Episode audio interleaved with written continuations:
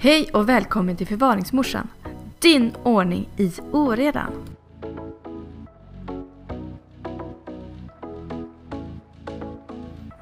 Nytt år och nya möjligheter, eller hur? Hur kommer du igång att skapa en nystart och få ta tag i de där envisa hyllorna som ständigt blir överfulla? Ja, i det här korta avsnittet så kommer jag att utgå från min guide Rensa, organisera hållbart liv och ge dig några tips och råd att komma igång. Och i det här avsnittet kommer jag att ta exemplet linneskåp. Vill du köpa guiden så finns den i sin helhet att beställa på deklatterman.se eller klicka i länken till beskrivningen för det här avsnittet. Och fram till den 28 januari så har jag den här för 79 kronor. Efter det så kommer jag att höja mina priser eftersom jag har reviderat mina guider. Men låt oss hoppa in i dagens avsnitt.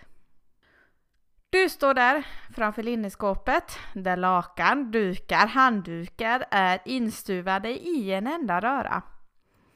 Du ska ha en handduk men vet att måste du du ska ha en handduk men vet att du måste ta ut lakanen om, som du rullade ihop igår för att få tag i dem. Detta är en av många anledningar till att vi vill rensa och organisera våra hem. Jag har i tidigare avsnitt pratat om att just frigöra synlig oröra för att kunna frigöra dig från saker som skapar ett lugn. Men vad gör man då med sakerna som man verkligen vill behålla och hur organiserar man det? En viktig del i att rensa är att se vad du ska förvara sakerna och hur du ska förvara det. Linneskåpet är ett ganska tydligt exempel där man ofta har många och flera uppsättningar av gamla, nya eller trasiga lakan, dukar, handdukar eller badlakan. Därför är det också ett ställe där man kan se hur tydligt det blir ett upplyft när man organiserar och rensar ut.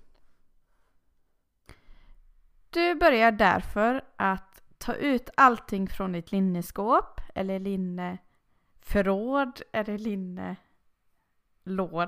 om du har det. Eh, ut med allt, sortera upp det i kategorier, i lakan, dukar, handdukar och så vidare. Allt trasigt går till återvinningen eller så använder du det som skurtrasor. Det funkar alldeles utmärkt. Men då räcker det att kanske spara ett eller ett par lakan och inte fyra, fem stycken. Det du inte använt de senaste två åren rensar du också bort. Skänk till välgörenhet. Det enda som jag ger dig okej att spara är om du har Agdas handgjorda gamla duk som du inte använder men behöver överväga om du ett ska ta ett foto av och sedan ge det till någon som uppskattar det. Eller om du ska faktiskt använda det på något sätt. Sedan funderar du på hur mycket du behöver av varje kategori egentligen.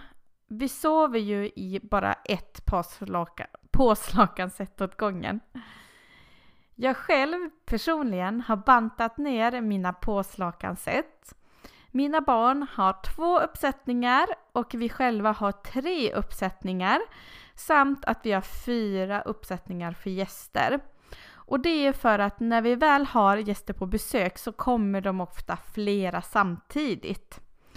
Då kan de som har vårt gästrum, ha, som har dubbelbäddsoffan, använda sig av vårt extra dubbellakan.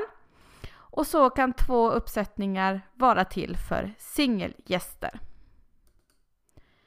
Och eftersom mina barn då fick också extra lakan i julas så kommer jag göra mig av med två stycken par under våren. Och har tänkt att göra det här som ett syprojekt. Det har ju egentligen plats för mer hemma hos mig. Men jag vill hålla mitt linneskåp väldigt luftigt. En tanke som jag ändå vill skicka med är att man kan om man bara har ett ombyte för lakan så kanske det tvättas lite oftare än om man har fyra eller fem uppsättningar. Då kan det vara bra att veta också att lakaren behöver innehålla lite högre kvalitet som klarar fler tvättar utan att gå sönder. Och det här säger jag av egen personlig erfarenhet. Eh, och det eh, kan vara så att du behöver investera lite, lite högre i pris när du köper lakan om du ska ha minimalisera det. Men det räcker med den högre prisklassen från till exempel Jysk, Ikea eller H&M och vi själva har från de ställena. Samma sak är det med badlakan, handdukar och kökshanddukar. Här gjorde jag personligen då, det som har erfarenhet för, för mig själv, två billiga set inför flytten med handdukar och badlakan. Och gjorde mig av med många av de handdukar och, och uttvättade barlackan som vi hade som var fläckiga och, så, och trasiga och sådana saker.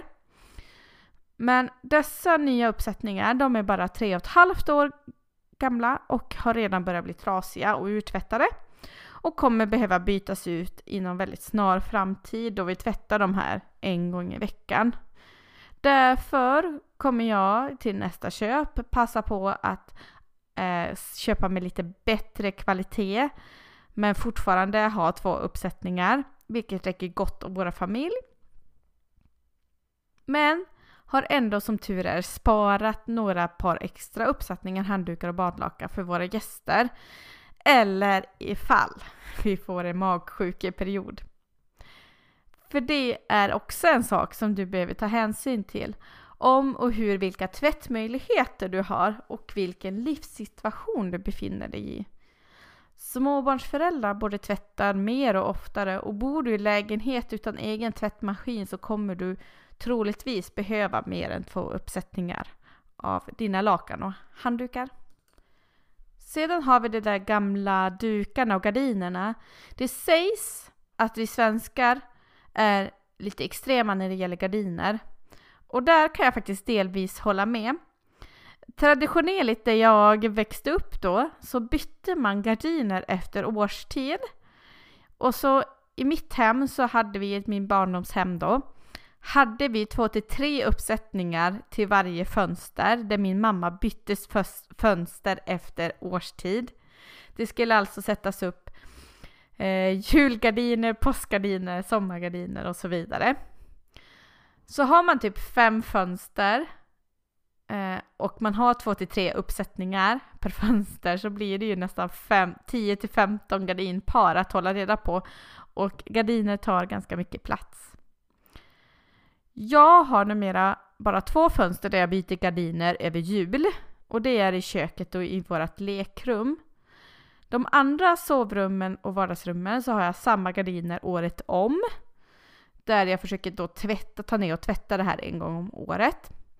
Och det har frigjort nästan ett halvt skåp för oss. Och jag har säkert slängt fyra eller fem par gardiner från vår utrensning. Samma sak med våra dukar. Dukar kommer och går och som trendar ibland och trendar inte ibland.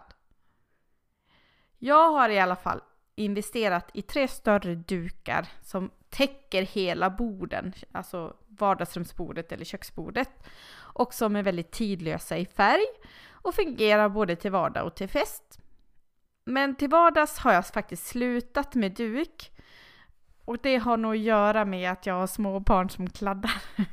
Och det blir en hel del tvätt. Dukar handlar mycket om tycke och smak på din stil. Men se till att välja det med omsorg och låt inte dukarna ligga flera år i linneskåpet. Då gör de sig faktiskt bättre i, en, i någon annans hem. När du har sedan rensat alla kategorier sätter du in dem antingen i lådor i ditt linneskåp så att du enklare kan separera dina kategorier. Eller så låter du varje kategori ha ett eget hyllplan i linneskåpet. Gå gärna in på förvaringsmorsan på Instagram. Där kommer jag under vecka tre att visa hur mitt linneskåp ser ut efter min utrensning. Jag hoppas att du har fått lite inspiration att sätta igång med ditt egna linneskåp. Ett steg i taget så kommer du kunna rensa ut helt på riktigt. Och låt det ta tid, var inte rädd att testa och var inte rädd att testa en ordningskonsult som kan komma och hjälpa dig ifall du känner att det här blev för mycket. Tills vi ses nästa gång, ha det gott!